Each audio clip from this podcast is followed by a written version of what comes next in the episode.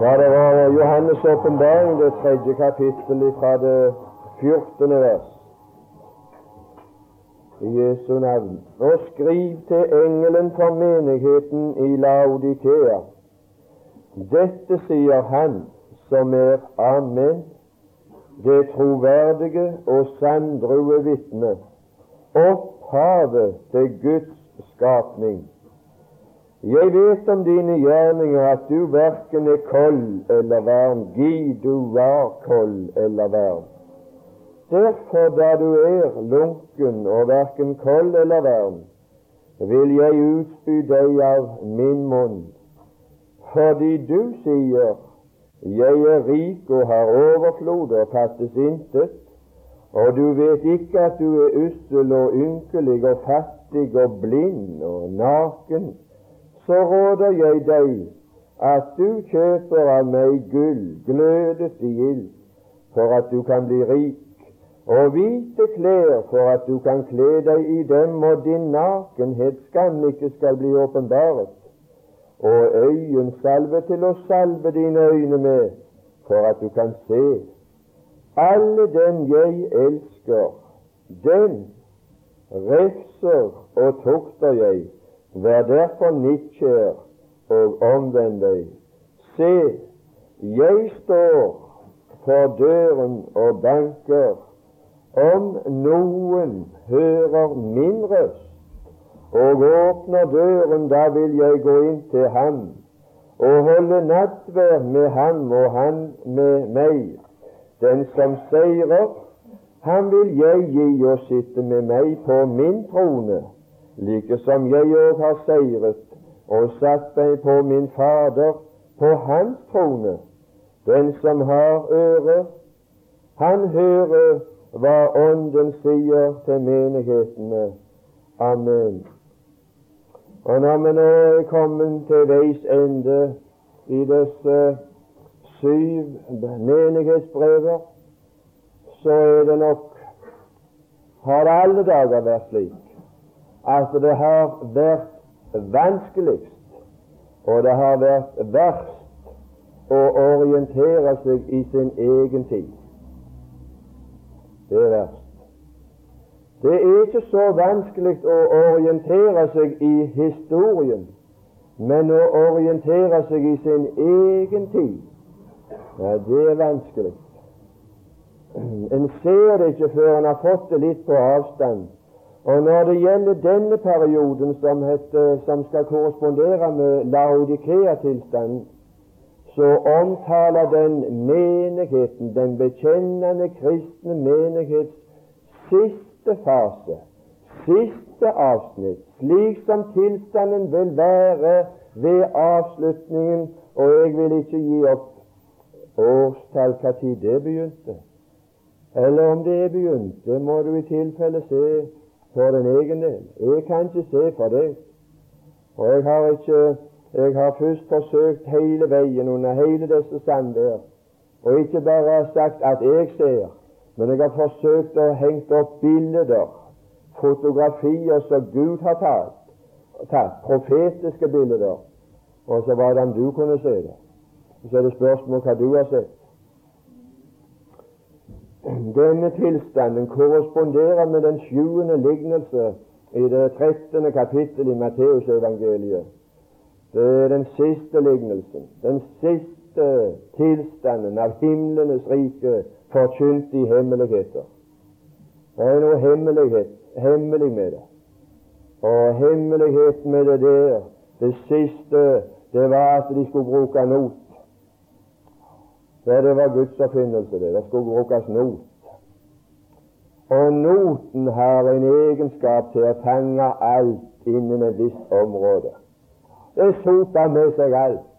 Når de kaster der, så kaster de alt, så får de alt med seg på land der. Når de drar noten på land, så har de gjort rent, det var ingenting igjen. Det er himlenes rike som blir lignet med det.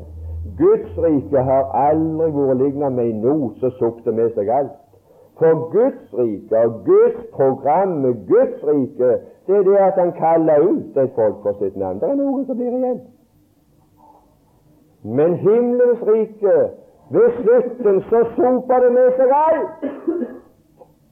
Hodet rake opp i den ganske verden. Verdenskirken, har du hørt om det? De var uenige når de skulle starte det der programmet.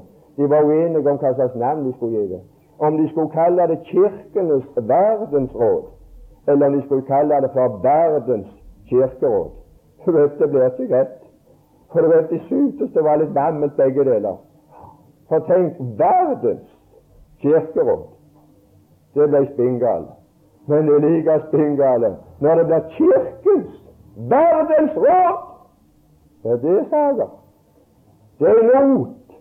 Så vi seg alt. Slik ble det på endens tid. Og slik er det her. Laudikea-tilstand soper med seg alt. Og da skal jeg fortelle hvorledes det går.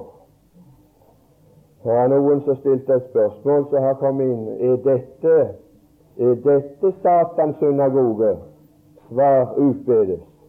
Referat ifra, ifra ei avis.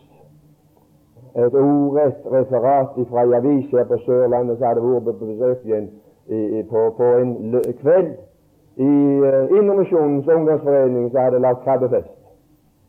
Og så var det sitert, referert av journalisten av den festen, for journalisten skrev om foreningslivet i byen. Så hadde han skrevet opp som Indremisjonens foreningsliv, om krabbefest. For der sang de på sine høner så det sto etter. Så er det spørsmålet dette Satans synagoge. Nei, det er ikke Satans synagoge. Det er Laudikea. Det er det, så langt jeg kan bedømme.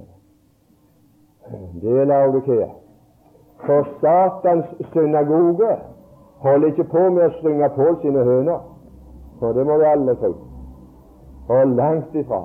Nei, de har, de har gudstjeneste, de. De synger ikke på sine høner, men de tilber Satan som Gud. For denne verdens Gud er Satan, og han har en forsamling som dyrker han i sin synagoge. Og det var en som spurte meg her en dag at den måten som du nå har utlagt Johannes' åpenbaring på, det har delvis ødelagt Bibelen har åpenbaringen for, de, for disse her. Nå kan de reise hjem og så kan de si at det er der, ja, det hører ikke til her, det hører til den tida. Og det hører til den tida, og det hører til den tida. Så er det ingenting som hører til. Til slutt blir det ingenting igjen. Har jeg sagt det? Er det det jeg har sagt? Om det er noen som har oppfattet det slik, så må det være noe i veien med din oppfattelse. For jeg har iallfall ikke sagt det. Jeg har sagt det at disse tilstandene som begynte i Efesus av frafallstendenser, de ville vedbli. Og de er nå. Jeg skal si det er aktuelt å lese disse. Jeg har ikke plassert disse historiske legninger. Jeg har sagt det at det er en arv, en belastning, som vi drar med oss i vår tid. Og når ingen skal reise hjem fra dette bibelkurset og si at dette var noe som er forhistoriske levninger Dette er ordet i rette tid. Det kan du skrive opp. Og det rammer alle her i denne forsamling. Uansett. Ja, da. Hovedkarakteren i denne tilstanden, i dette brev, det er lunken. Og jeg har ingen plass i Bibelen lest ellers om at Gud er ved kvalmen, unntatt i denne tilstand. Det vekker kvalme fornemmelser hos Gud når de synger på sine høner i forbindelse med et møte og en andakt og kristelige sanger om Jesu blod. Det vekker kvalme fornemmelser hos Gud. Han sier 'Jeg blir kvalmen, jeg må spy'. De vil bli utspydd. Du kan være sikker. Ja, du kan være sikker. Og jeg sa det og jeg sier det igjen i denne, i denne timen, at ethvert møte Det er ingen beskyttelse etter det het en indre misjon eller frikirke, eller uansett hva du vil kalle det. Enhver sammenkomst den dagen og til den tiden som du kommer sammen, det er den karakteren som den sammenkomsten får, som bestemmer om det er Laudikea, eller om det er Philadelphia, eller om det er noe annet.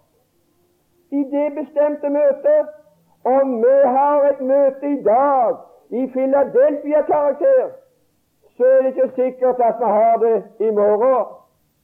Så kan det bli avsporing. Så kan det være Laudikea det samme forsamling. For det utgjøres ikke av mennesker, det utgjøres av en karakter. Og det kommer til uttrykk ved et program. Det kommer til uttrykk hva det er de samles om. Å, det er bare en ekte forsamling i denne verden. Det er ikke om å gjøre for mengden inn på møtene. Nei, men det er om å gjøre for mengdene til møtene om Jesus. Men hvis det er om Coca-Cola, så kan de gå på kino heller. For Kristus er ikke der. For her i denne forsamling så leste vi om at Kristus var utenfor. Dette ordet har hatt lite salt i seg og lite pile i seg når det har vært forkynt, fordi det har blitt retta til ufrelste mennesker. Og så har det vært forkynt 'Jeg ser, jeg står for døren for de ufrelste', men det står det ingenting om her. Det er en anvendelse, men det er ingen tolkning av Guds ord. Det er en bortforklaring av Guds ord, og ingenting mindre. For her er det ikke for et ufrelst menneske han står for døren, men han er kommet utenfor forsamlingen. Han er utenfor den forsamlingsmåten her i denne Laudikea-tilstanden. Og jeg kan få lov å opplyse deg at jeg har vært vitne til og vært med på Laudikea-møter. Å, det var merkelig. Det er merkelig altså med oss mennesker. Det er to av disse syv navnene som har blitt oppkalt i vår tid. Det er noen som kaller seg for Smørna-kirken. Kirken. Og så er det noen som kaller seg for Philadelphia. Har du hørt noen om hva som kalles for Laudikea? Jeg har. Det sto en plakat i Oppdra kommune utenfor Veavågen bedehus en dag. Laudikea-menigheten har møte i kveld. På bedehuset. Ja. Det var hans bedømmelse av situasjonen. Men heldigvis så, så, så ble det slutt med den karakteren på det bedehuset. For det var ingen ære å bli kalt for en Laudikea-menighet. Nei, det er ingen ære, men det har vi masse av. Det har vi masse av i vår tid. Lunken. Hva er det som har gått foran her? Hvorledes er det du produsere? Hvorledes er det går an å fremstille en ting som er lunken? Det som har passert foran, så har vi lest om Sardes, en periode i menighetens historie Sardes som hadde navn av å leve, men var død. Er det noe koldere enn døden? Er det noe som kan sammenlignes med så kaldt som døden?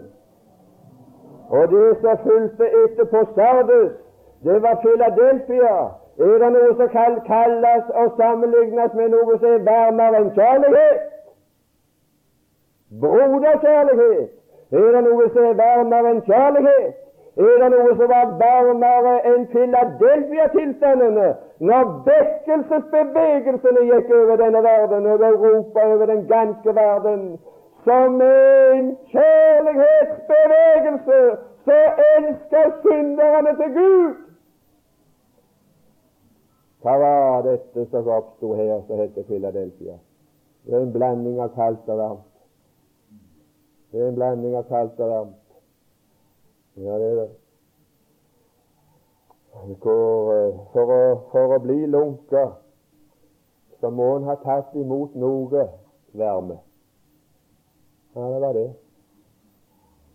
For å være lunka så må han ha tatt imot noe varme, men ikke alt. Men hvor velsignelsen ifra Gud blir tatt imot, så virker enten eller. Enten velsignelse eller forbannelse. Du kan være ganske sikker. Ja, jeg skal ta et lite tilbakeblikk. I loven, når loven som Gud hadde gitt Israel, når den svikta, så hadde Gud noe i reserve å gi. For loven svikta det. Loven hadde sin tid inn til Johannes, sa Jesus. For den svikta. For hvis det hadde vært noen lov som kunne gjøre levende, ja vel, så hadde den vært tilstrekkelig. For det, det var, folket var ikke bare på vei til å dø, men de var åndelig døde. Og det var ingen lov som kunne gjøre levende. Så svikta den. Han, han var maktesløs ved kjødet, for det var dødt. Loven er maktesløs med kjødet, og når den svikta, så hadde Gud noe i reserve. Og det var det han hadde. Og det han hadde i reserve, det var ikke nåde. Nei, for det var der i lovens husholdning. For det ikke vært det, så hadde ingen blitt frelst. Nei da. Ved Moses så kom lov og nåde. Ja visst var det nåde. Ja, det var nåde. Når et menneske forgikk seg mot loven, så kunne han bringe et offer til presten, og så gjorde presten soning for ham, og så fikk han forlatelse. Er ikke det nåde? Det var en periode hvor det herska de prinsippene lov og nåde. Det er det. Men når den perioden var slutt ah, Hva fikk vi da med Kristus? Nei, da står det vi fikk ikke nåde. Men nåden og sannheten kom med Kristus. Det hadde Gud i reserve. Bare nåde! Klinkende nåde for et menneske som er dødt. Et menneske som er dødsdømt. Ja, han trenger bare nåde. Enten må det bli bare nåde, eller så blir det bare dom. Ikke så det. Og nå ble det bare nåde. Gud hadde det i. Og nå ble det bare nåde. Ikke noe nåde, men bare nåde. Nåden.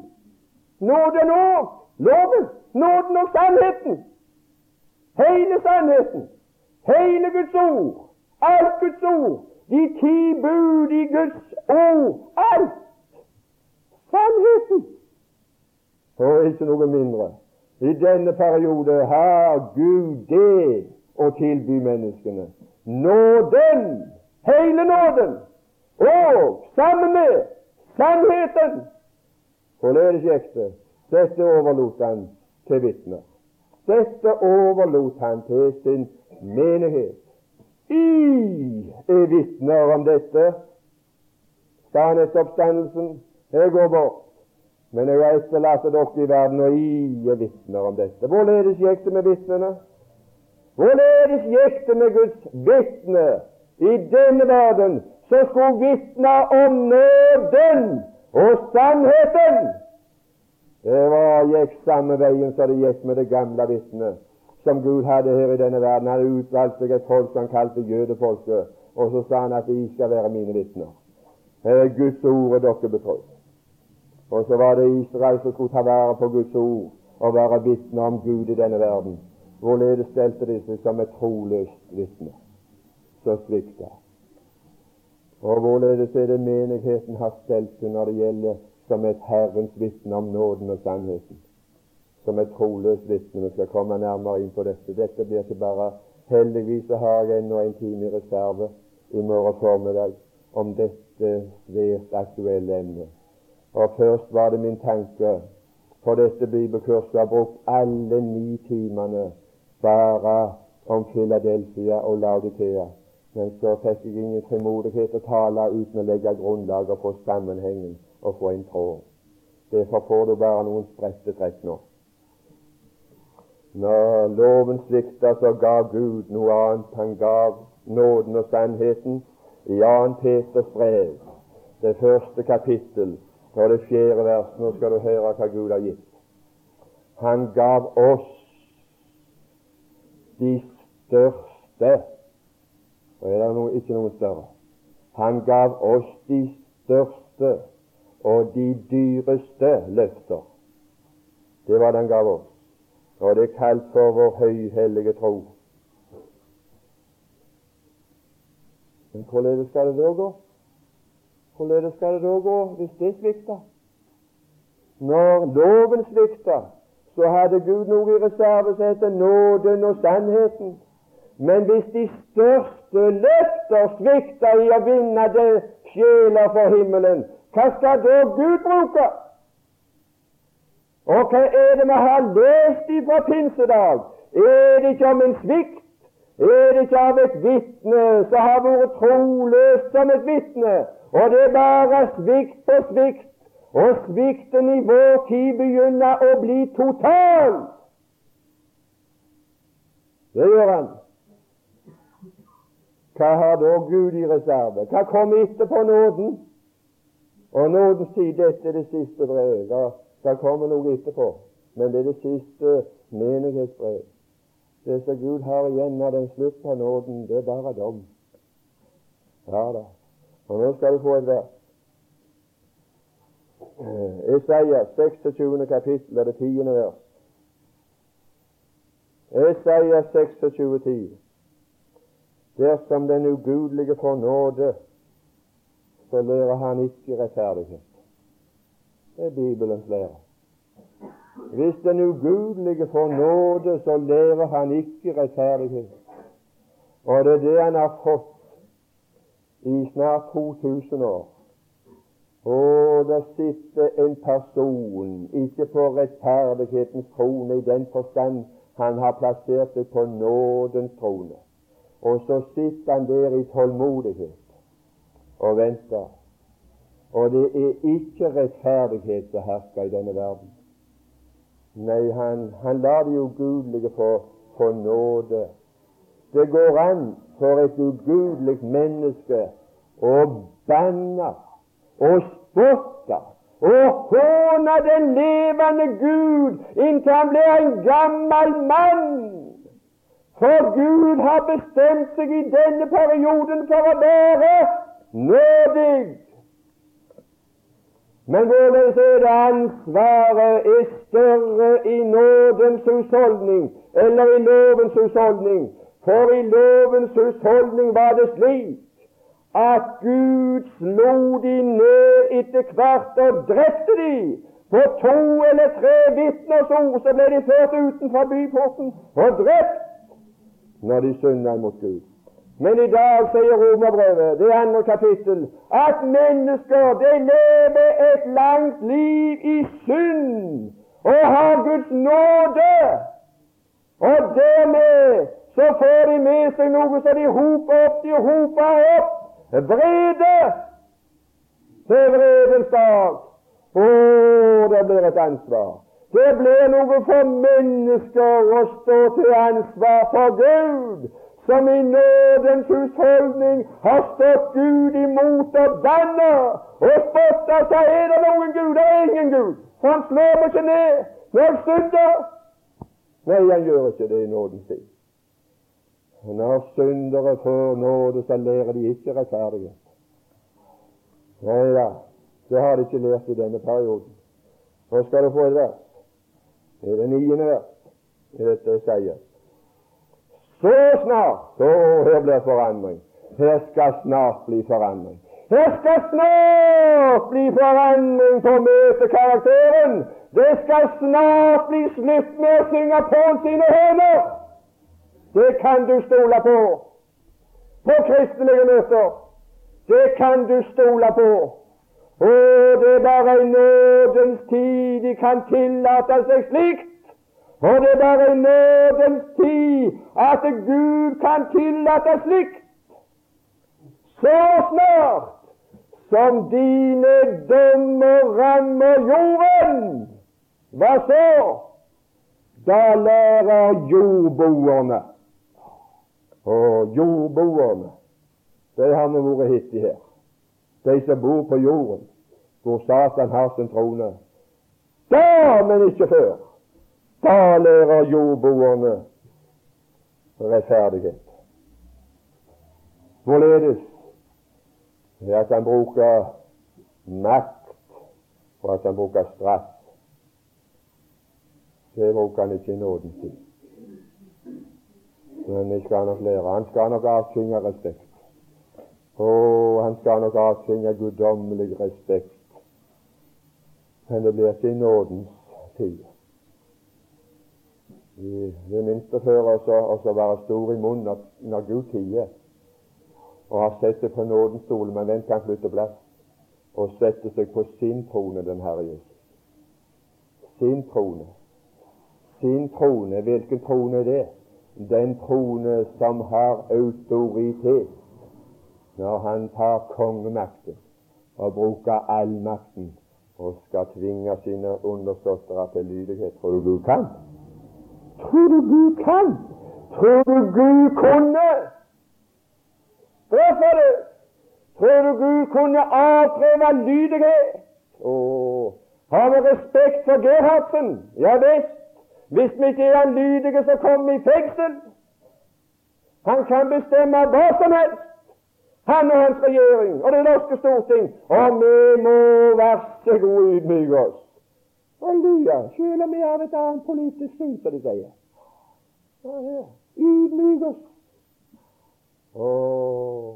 Fordi han har makt, og fordi de bruker makt, og fordi de tvinger makten igjennom, og du må Jeg skal si deg, min venn, en dag så setter han seg på tronen, og han skal herske med rettferdighet å, da skal de lære. Da skal jordboerne lære. Da blir det ikke høner, Mm, nei da. Det er bare i nådens tid de kan tillate seg slikt. I Laudikea. Ja, ja. Nå vil jeg få lov å dra fram han som presenterer seg her. Det er litt av en presentasjon. Å, her er noe her som jeg har et oppdrag. Jeg er en himmelens ambassadør. Og det er bare så langt jeg har noen ting på en talerstol å gjøre. En som kan representere himmelen på en verdig måte og tale om ham. Og det er Gud, og det er Guds bilde, og det er Guds inntrykk, og det er Han som skulle leve i din bevissthet i den time som jeg har holdt. Og hvis du tenker på meg når timen er slutt, så har jeg svikta min oppgave. Hvis folk blir opptatt med ambassadøren i stedet for den kongen og det landet han skal representere. Nå skal du se, nå har jeg den ære, og jeg har den store glede å presentere kongenes konge og herrenes herre, men fremdeles på nådens trone. Og jeg er glad for han sitter der fremdeles. Jeg skal villig finne meg i at det ikke blir rettferdig behandlinger på i denne verden. Så lenge han sitter der, så er det noen av de som ikke frelst, kan bli frelst. Så lenge han sitter der, så kan de av min slekt ikke frelst. Det er håp for dem. Men reiser han seg, så er det bare rettferdig straff. Da skal det bli godt. Da skal det bli rett. Men ingen blir frelst ved at det går rett for seg. Å nei, skal du bli frelst, så må det gå nåde for rett. rett. Retten krevde helvete for meg, men det er bare nåde. Nå skal jeg presentere slik her Dette sier Han. Og her er det ikke menigheten som taler. Dette sier Han. Og nå skal vi se hva Han sier. Tror du det er noe ting? Tror du det er noe å ha øre for å høre på? Dette sier han Vi skal nå komme i morgen til det 17. vers og høre på en annen tale. Dette sier du. Ja, det er uenighet.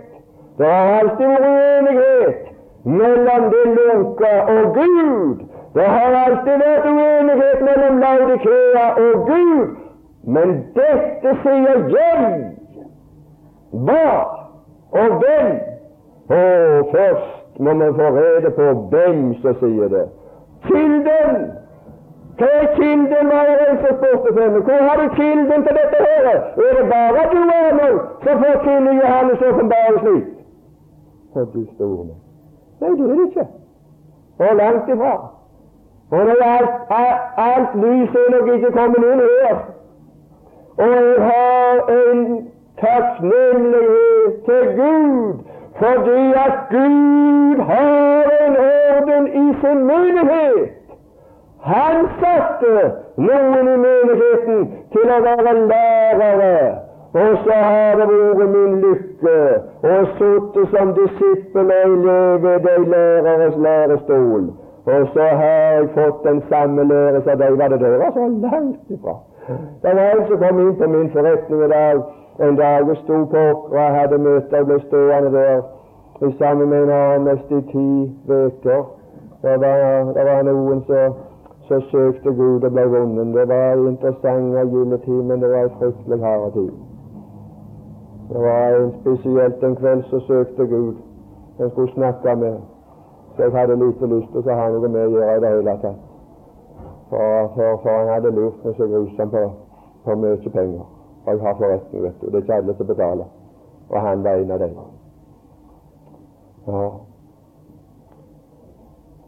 Så var, det, så var det når du skulle stå der kveld etter kveld og være med, så, så ble det noe som heter tekstasjuke. Vet du hva det er for noen ting? Har du, har du, har du hatt dette trykket kveld etter kveld, og så har noe å gi? Ikke bare snakke, ikke bare bable, men å ha noe å gi av en kvalitet så folk kan bli frelst. Og så var det en som kom meg i hu. Så kom jeg inn på forretningen en dag og så sa han, 'Jeg har kommet på deg, for jeg har hørt hva du er oppi.' For jeg har tenkt meg inn i den tilstanden du er i. Her står du på forretningen fra morgen til kveld, og så skal du ha møte om kvelden. Det er over menneskelig. Se her, sa han, så skal du få noe hos meg. Hva tror du han ga meg? Ti kroner?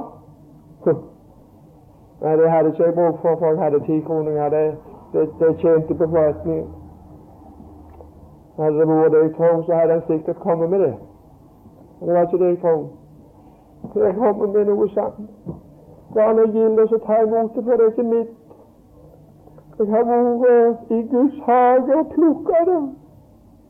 Jeg har fått av Herren, og nå legger jeg det ferdig i dine hender. Server den frukten i kveld, sa han, så skal du se. For du Gud i himmelen, jeg takk til for. En som hadde omsorg for, og så gi meg noen frukter her fra Guds ord som jeg kunne gi videre. Vet du hva det var en som opplevde på Valderøy? Det er bare en fra Valderøy. Formannen i ungdomsforeningen i Valderøy, det var han iallfall den gangen. Og grepen, begeistra, tent i glød for det han hadde hørt, og det han hadde lært på bibelkurs, så avla han et vitnesbyrd på et møte, på et vitnemøte hjemme på heimbygda si. Og så var det en som reiste seg opp etterpå og tok kraftig til til gjenmæle. For et hovmod. Her står han og smykker som andre smykker. Vi kjenner det igjen. Han har det fra Bjerkreim. Det er andre smykker. Vet du hva det står i 2. Timotius brev 2? 2? Nei, du vet ikke det i farten. Du burde visst Men om du ikke vet det, ikke husker det, så kan du gå hjem og lese det, så kan du lese det nå. Hva du har mottatt av meg ved mange vitners nærvær. Det er det som foregår på et. Du kommer aldri ifra det at det var noe som overga deg noe fra Herren. Du er vitne på det, at du hørte det. Du hadde anledning. Hva skulle du med det? Det du har mottatt av meg gjennom et vitne, det du har mottatt av meg, overgi det!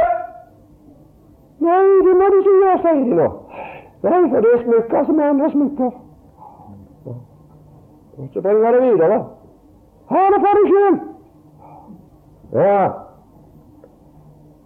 Å, det er den måten som det skulle spredes på. Det er stadig å bli overgitt. Hva er det vi skulle være her? Det var sagt noe det på teltet på søndagskvelden. Bibelkurset i år skulle ha en karakter av et lynkurs i sjelevinnere, utdannelse av sjelevinnere. Et utdannelseskurs som skulle lære folk opp til å svinge murskjeer, til muravskillelsens mur rundt omkring hos folk, og til, til å føre sverdet ifra den venstre hånda, for murskjeet i den hånda og sverdet i den hånda. Sånt var det de skulle leve. Ah, det er total mobilisering, og dette var ikke, dette var ikke koseselskap. Dette var ikke for å få noe inn, men det var for å få noe ut. Du har misforstått det, min venn, at, hvis det var, at det var hensikten å få det bare inn. Langt ifra. Å nei da. Når, når, når, når, når vi blir innkalt til militærtjeneste, så er det ikke nok med at vi får noe inn. Vi skal få det ut igjen. De skal ha en rekruttskole. Den har de i begynnelsen, og det de får innføre i rekruttskolen, det skal de praktisere resten av perioden. Å, det er kriger! Det de har overgitt av meg, ingen kan stå for Gud og si jeg fikk ikke noe på kurset. Det er vitner på det, fikk det. Og så står det 'overgi det til andre', og du skal være omsorgsfull til hvem du gir det. Ikke kaste perler for svin. Overgi det til trofaste mennesker, som også igjen er duelige til å lære andre. Det må videre, ringene må gå lenger og lenger og lenger. Det er misjon å komme på bibelkurs. Og hvis misjonen er vekke, så er det feil. Og hvis du har nok med å få inn her, så er du et døde hav, for det er bare det døde hav som tar imot og ingenting gir ifra seg. Ja, det er det. Det er det døde hav. Men det er ikke det døde hav å være et gjenfødt menneske. Å, jeg tok imot Guds ord. Jeg fant et ord. Jeg åt det. Det smakte godt. Det ble meg til glede. Jeg fordøyde det, men når jeg fikk det ned, hvor kjekt det da? Ja, det ble, det ble en brann i fordøyelsen. Ja, det står Å, det måtte ut! Det må ut! Det må ut til jordens ender, og det du er neste ledd. Og hvis du svikter, så svikter den kjeden den veien. Å, her er en stor flokk, og her er det stort ansvar å overgi det du her har fått. Den som har mitt ord, han kan ikke. Han bør ikke. Han skal tale mitt ord. Overgi det! Så får de spotte de som spotte vil. Og så får de le av deg, og så får de si du smykker det med andre smykker. Og langt ifra. Dette er Herrens smykker som jeg pryder meg med. Ja, det er derfra det kommer. Det er bare en tjener som ga meg det. Jeg skal gi deg dette fra Herren, sa en direkte gave fra Herren ved overlevering. Gud gi at vi fikk vi fikk se noe. Her presenterte han seg hvorledes som Amen. Dette sier han som er Amen. Å, det var litt av en person. Amen. Ikke en som bare taler og sier noe. Nei, har vi noe. Tale uten ammen. Ja, nei, de har jo masse sammen. Det er noen som glemmer til å si det sånn som jeg gjør det. Ja, Det var på et møte sånn sa mannen. Så. Det var greit med sammen. Han glemte å si ammen, for han holdt seg lenger bort. Ja, jeg vet ikke jeg. Men ammen har en betydning. Det står i 2. Korinterbrev 1 Å, så mange som Guds løfter er, i ham har de sitt ja. Derfor får de også ved Ham sitt ammen Gud til ære ved oss. Å, her er det en som ikke bare sier noe, Men her er det en som fullbyrder. Her er en som taler, og så skjer det. Her er en som bød, og så sto det der. Dette sier han. Han vekker min oppmerksomhet. Det andre det står om han. Dette sier han som er ammen, det troverdige vitne. Og når, når menigheten svikter i troskap og er blitt utroverdige Du kan ikke stole på Kirken lenger som vitne. Du kan ikke stole på menigheten lenger som et Herrens vitne. Nei, nå er han utenfor menigheten i denne tilstand. Han står utenfor, og nå er det bare de som hører min røst. Ikke Kirkens røst, men min. Og stakkars ungdom som hører Kirken og menighetens røst inn i Kristiansand og får Pål sine høner litt av hvert sånt noe, og, og, og, og, godtar det for å være kristelig møte. For en forførelse, for et ansvar. For en svikt i vitnet! Vitne, hva er det for noen ting?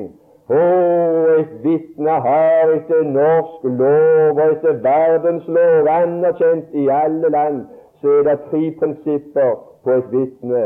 Et vitne skal tale sant.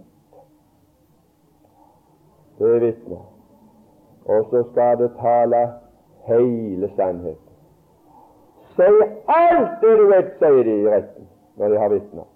Nå må du tale sant, og så må du tale alt som du vet. Og så det tredje, så må du ikke legge noen ting til. Så er du vitne. Å, hvordan menigheten har svikta. Som Herrens vitne. De taler løgn. De har lagt noe til, og de har trukket noe ifra. Da har vi igjen. Det er ikke til å tro på. Folk tror ikke på det. Respekten er forsvunnet. Guds ærefrykt er forsvunnet. Ingen i vår tid har ærefrykt for Gud lenger. De kan tillate seg hva som helst. De kunne ikke det før krigen i den grad som nå. Å, nå ser jeg prinsippene ramle dag for dag. Det går så uhyggelig fort at jeg blir fælen. Jeg blir fælen, Jeg blir mørkredd jeg ser mørkheten første bak det. Jeg er mørkredd. Nei, her er det en som du bør høre på. Det troverdige vitnet. Og så det sanddrue. Og opphavet til Guds skapning. Ja, ja, det har vi hørt om. Det kan jeg gå forbi. La treet enten være dårlig og frukten dårlig. La det være slik. Eller så la treet være godt og frukten god. Opphavet! Her har du treet. Her er han. Her presenterer han seg som opphavet til Guds skapning. Å, ikke, ikke som opphavet til den første skapelse, men opphavet til en ny skapning i Kristus Jesus. Her finner du ikke om noe på, på der som de synger Pål sine høner. Å oh, nei. Folk, forsamlinger, som har Han i sin forsamling, de kan ikke synge Pål sine høner. Det er utelukket. Det er akkurat som vil sprut. Det to elementer som ikke taler kan komme i berøring med hverandre. Det er umulig. Prøv å få ild og smelte sammen med vann. Det er umulig. Ganske mulig. Det er så umulig på bibelkurset i Mosby å synge på sine høner, så det er å gå til møen, ja, det er ikke umulig visstnok. Så det er mer umulig enn det, for der tar de det snart alt det. Så det går ikke an å bruke gamle uttrykk heller lenger.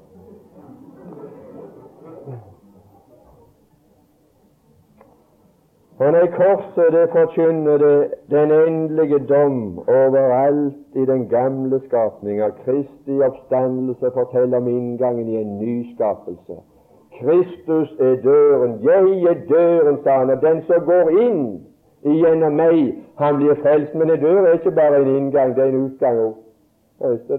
I det øyeblikk du går inn, så går du ut ifra det rommet.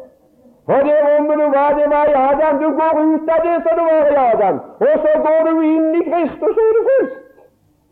Den som går inn gjennom meg, han blir frelst. Opphavet til Guds skapning. Å, det er en presentasjon. Det er opphavet for Guds menighet og for Hans forsamling i denne verden. Det er ikke noe slikt noe som Laudikea der. Nei da. Men det er de som ikke kjenner sannhetene, og ikke kjenner sin stilling i Kristus Jesus og synger Pål sine høner. Så sto det noe her. Du er lunken, sier han. Så må de ha tatt imot noe, ellers så ville de vært kalde. En kort andakt til slutt. Det er det som er så forterrende. Hadde det bare vært underholdning, så hadde det vært kaldt. La treet være godt og fruktene god. La det nå være slik. Eller la treet være dårlig og fruktene dårlig. La det være verden og varslige foster. La det være slik. Ikke bryt Guds prinsipper. Skal det være et kristelig møte, så la det være kristelig. Og ikke bryt Guds prinsipper. Og i det øyeblikk du bryter Guds prinsipper, så blir det Laudikea om det er aldri så uskyldig. Vi tar imot noe, ja, en kort andakt er det enda med. Det var ikke det før. Da var det litt i tillegg til, til talen. Må ha litt. Og så ble det en kortere tale. Ja, eh, vi må få kortere taler. Skal jeg være så frimodig? Det vil jeg gjøre. Jeg blåser i alt. Jeg fikk en uh, visitasjon en gang. Den var glimrende illustrerende. Jeg skulle ha virksomhet en plass. 14 dags virksomhet. Og i en 14 dags virksomhet så kommer du inn på to lørdager. Det er klart. Og lørdagene de, de, de er ikke ganske frie på bedehusene lenger, for det er ungdommens lørdagsfest. Ja. Og når jeg skulle være der, så fikk jeg visitasjon fra ungdomsforeningen. Og fra ungdomsforeningen så hadde ansvar for de to kveldene. Og med et begjær om og et ønske om De hadde hatt felles styremøte, og så hadde de blitt enige om at jeg talte for høyt. Og så talte jeg for lenge. Og nå var det spørsmål om de kunne få lov å bestemme emnet og taletiden, så skulle jeg få lov å være med på deres møter. Jo, ja, det var det var litt av betingelser. Så sa jeg jeg kan ikke love uforbehold, men la meg nå få høre hva slags emne dere har tenkt. Ja, vi kunne tenke oss den kristne livsstil. Oi, nei, sa jeg. Nei, det kunne jeg tenke, men det kan ikke jeg tale om. Nei, først må jeg, sa Aurebekk, jeg trodde vi skulle få høre om løpet på rennebanen, men det ser ikke ut som vi får det. Nei, for han sier det det går ikke an å snakke om løpet på rennebanen før jeg er sikker på at de er, at de er født, og at de er barn, og at de er utvikla og er i stand til å løpe. Og Det går ikke an å snakke om den kristne livsstil til mennesker som ikke engang vet om de er frelst lenger. Nei da. Den kristne livsstil kommer av seg sjøl. Den kommer av, av, av, av livet lydige, av hjertet lydige mot den lærdomsform som vi er blitt opplært til. Læren skaper stil. Det er ikke noe problemer med det. Får de sammen med Herren, så kommer det så, så klart alt det der. Så sa jeg nei takk, det blir jeg ikke med på. Men det kan få tid, og så kan det få, få bestemme et emne, og så skal en forsøke for en gangs skyld, sa jeg, å prøve å holde en tale på 20 minutter. Men det er veldig vanskelig å holde det, sa jeg. Men jeg skal prøve, jeg skal vel klare det opp. Og det ble slik. Men vet du hva resultatet var? Det var styremedlemmene, det. Og det var lederen. Men hvordan var det med medlemmene? Jo, når møtet var slutt, så var medlemmene så forvetne at de stanset igjen i gangen og sa Kan vi få rede på det? Vil du svare oss på det? Og vil du svare oss på det? Hva ble resultatet? Resultatet ble det altså de ba om en bibeltime. Det ble to bibeltimer som varte i to og en halv time, og de sa fremdeles, at de ville sote ei uke. De sa til uke. Det var de som måtte ha bare en 20 minutter. Og så, og, og, og, lettere kost. Og du gru, altså, for greier vi kommer borti. Nei da, vi må ikke ha litt. Vi kan ikke greie oss med mindre enn alt. Og så kan vi ikke greie oss med mindre. På fransk står det, sa en mann til meg nå når jeg var inne i en forretning og kjøpe meg en skjorte. Det var, Han gikk på meg med en gang og hilste på meg, og så begynte han å preike med en gang. Vet du hva det står på fransk, sa han der, om lunka, Kald eller varm? Der står kald eller kokvarme. Det står det. Det er så varmt at de brenner seg på det. Ja visst er det det. Det stemmer, det. Å, det lar seg være så varmt at det kommer et ufrelst menneske enten i berøring med oss eller vår forsamling, så brenner de seg på oss. De er redde oss av varmen. Det er den måten vi kan vinne dem på, og ingen annen ting. Ja, ja. Men her her er Kristus utenfor. Kristus utenfor døren, uten, ikke utenfor en synders dør. Ja, der har han vært utenfor alltid. Men her enda den kristne, bekjennende menighet med Kristus utenfor systemet, hvor alt går så maskinmessig at det er grunn. De sier sjøl de er rike av overflod. Det går godt. Større resultater overfor. Massevis av penger og stor virksomheter. Rike på gjerninger. Ja, det er skrekkelig. Og så Jesus utenfor, Kristus utenfor, jeg utenfor døren. Det er nemlig ifølge Galaterbrevet, det sjette kapittel og det femtende vers, så er det noe som skjer igjennom som skodd i denne skodde som omgir oss. Her er det et lys ifra himmelen som skjærer igjennom, og det fordriver dog som den forsvinner for solen. Nå skal du se her gjelder bare oh, bare en nyskapning. Og når opphavet til den nye skapelse er utenfor, hva nytter det da? De har overflod av det som ikke gjelder. Det gjelder jo ingenting. Det er ikke gangbare mynt. Det gjelder bare en nyskapning, og så skapningen den nye skapningen utenfor der. Oh.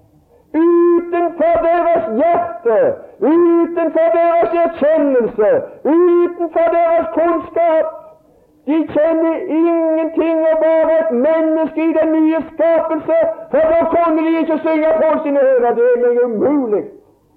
Det er meg en umulighet å synge på sine høner.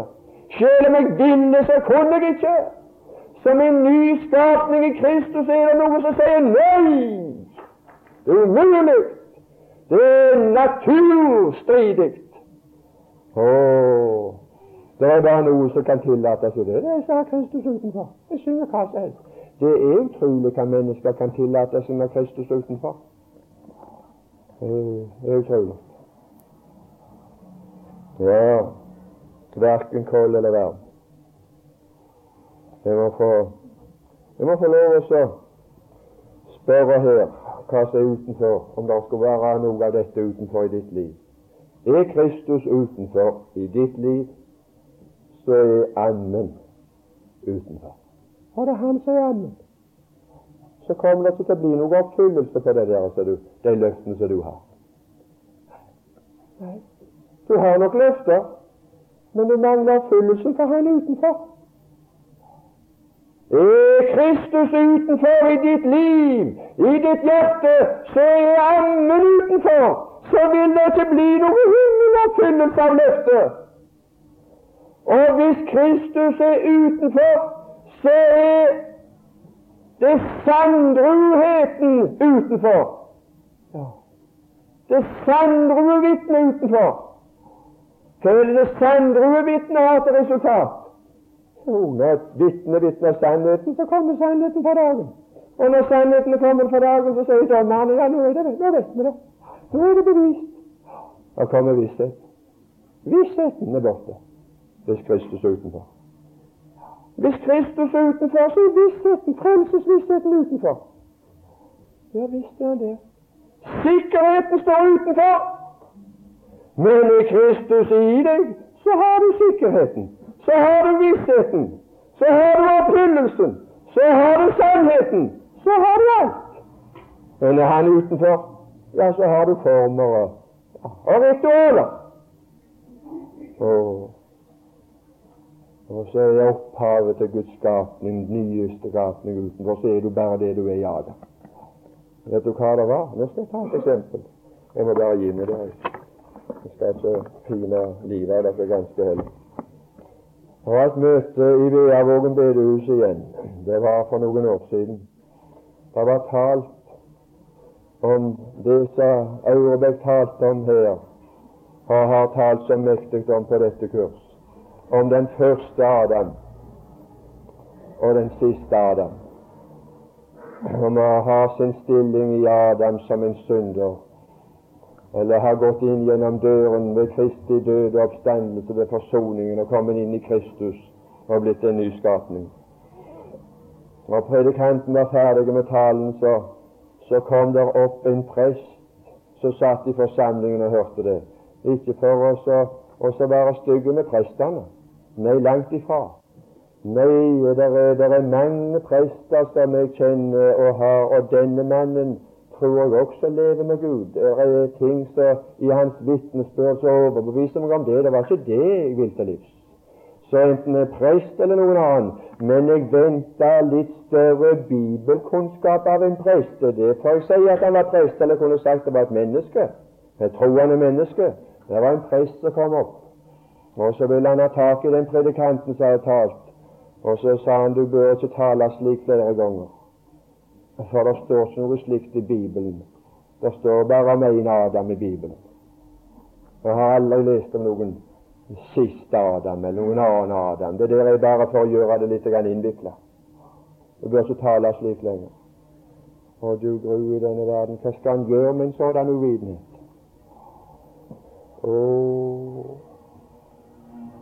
Hvis den nye skapningen er utenfor, hva er jeg da?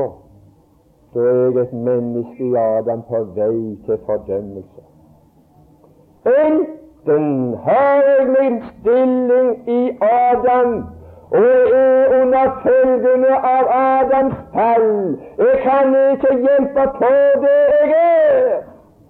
Det var det lenge før jeg lærte. Jeg trodde det at jeg kunne hjelpe for at jeg var en synder. Og hvis jeg tok meg sammen, så kunne jeg latt det være.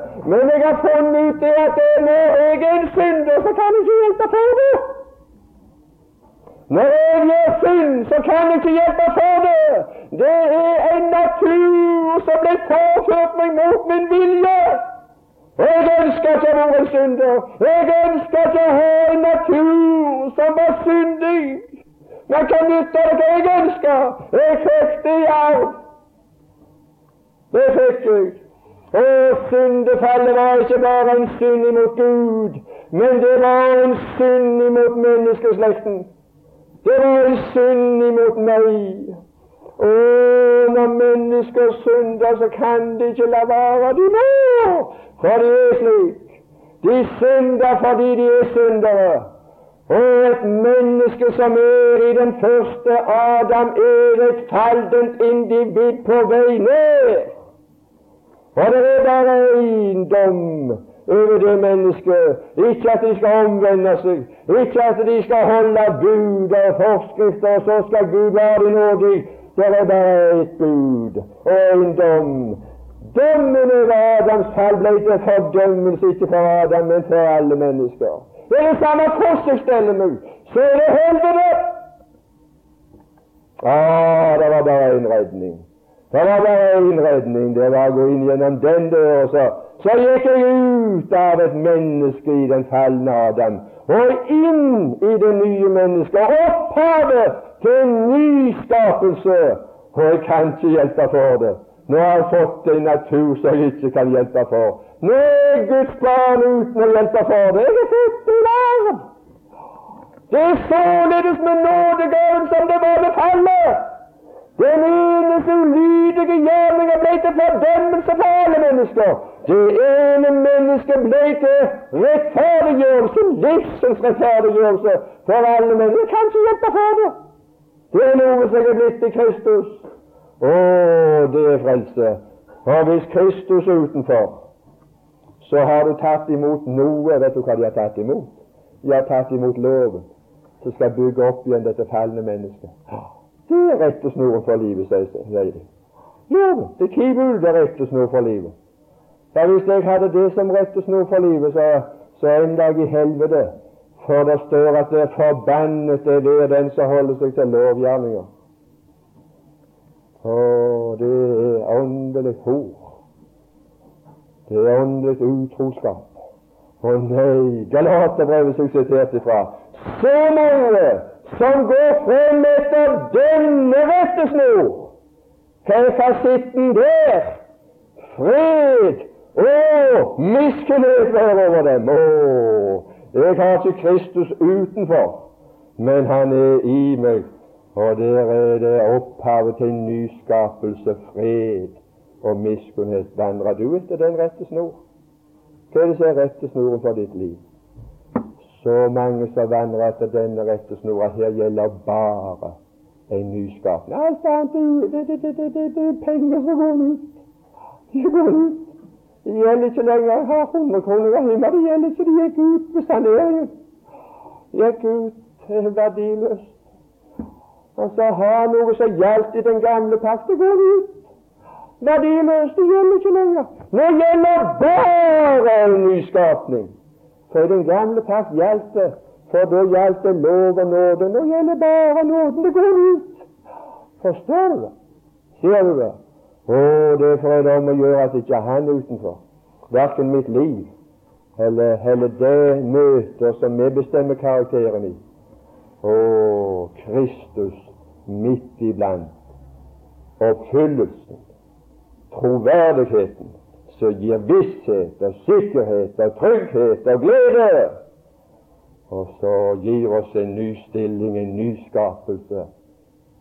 Alt det gamle er forganget, se, alt er blitt nytt. Fader i Kristus Jesus, troverdige, sannere vitner for deg, og bringe sannheten og overlevere til andre mennesker, at det gikk videre utover, ringene spredde seg. Amen.